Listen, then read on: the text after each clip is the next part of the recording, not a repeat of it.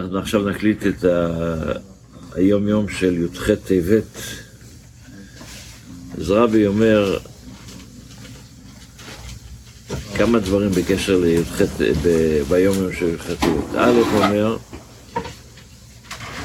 שיש, היות שהרבי מתייחס לאותה שנה שהוא כותב את היום יום, ואז היה י"ח טבת בשבת, ואיזה שבת? שבת פרשת ויחי.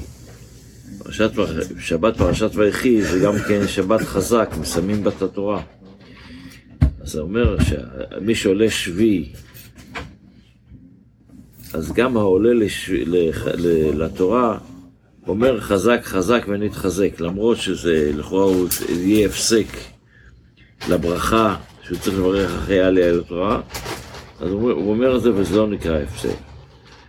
דבר שני, יש, יש אה, אמרה, יש, אנחנו שומרים במוצאי שבת, אנחנו אומרים קטע שנקרא ויהי נועם.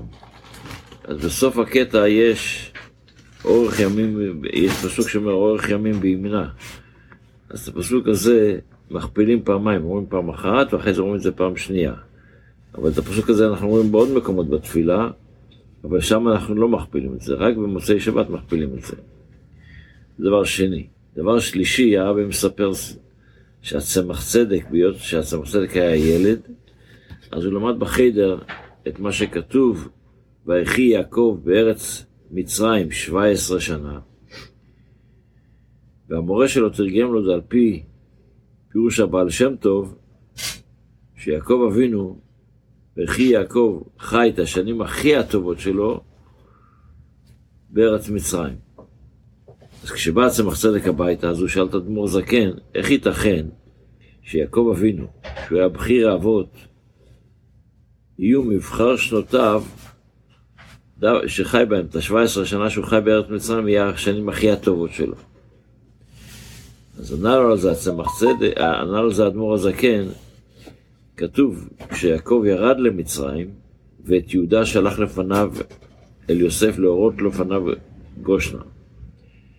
כתוב במדרש, ורש"י מביא את זה, אמר רב נחמיה, בשמה הוא שלח את יהודה לפניו ארץ גושן, להתקין שם בית תפילה, לפתוח בית מדרש, לפתוח בישיבה, מה שנקרא. שתהיה שם תורה, ושיהיו השבטים הוגים בתורה. להורות לפניו גושנה. אז כשלומדים תורה, מתקרבים לקדוש ברוך הוא.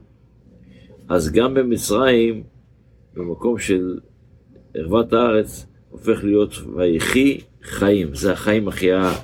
נראה לי, איך שאמרנו קודם, שאנחנו בדרך הדברי תורה, אנחנו, העולם שלנו הופך להיות עולם רוחני יותר, עולם שחי דרך התורה ולא בטבע.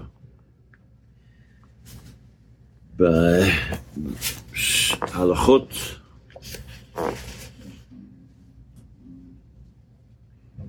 אז אומרת ההלכה שאמרנו, אתמול למדנו שצריך שיהיה עשרה למניין בקדיש. אז בקדיש ובקדושה ובברכו לא צריך שכל העשרה יוכלו לענות לפעמים אתה נמצא בעשרה ואתה במקום שאתה לא יכול לענות אמן. ו... אז גם אם יש רק עשרה, יש שישה אנשים שהם בתפילה, ועשרה בבית כנסת, וכמה מהם לא יכולים לענות, אפשר להגיד את הקדיש, אין לזה בעיה. אבל כשמגיע לחזרת השץ, כאן יש כן בעיה. חזרת השץ צריך שהעשרה יוכלו, שהתשעה יוכלו לענות, ולכן צריך לחכות, אם יש עשרה, צריך לחכות עד שכולם יסיימו את, את, את התפילה, או שיש עצה אחרת, שהחזן קורא את, את, את, את חזרת השץ כדי להוציא מישהו וכדומה, יש הרבה עצות אחרות גם כן בנושא הזה, אבל לא ניכנס לפלפול ההלכתי בנושא.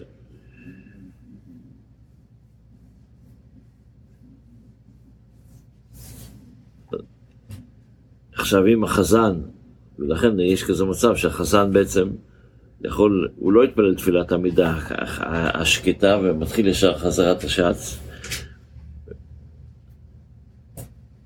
אז הוא צריך, אז כאן הוא באמת, היות שזה העצה, כאן הוא באמת לא צריך, מספיק שישה שעונים ולא תשעה שעונים. שלנו, רגע, בתפילה. בתפילה, אנחנו עדיין ב... אה,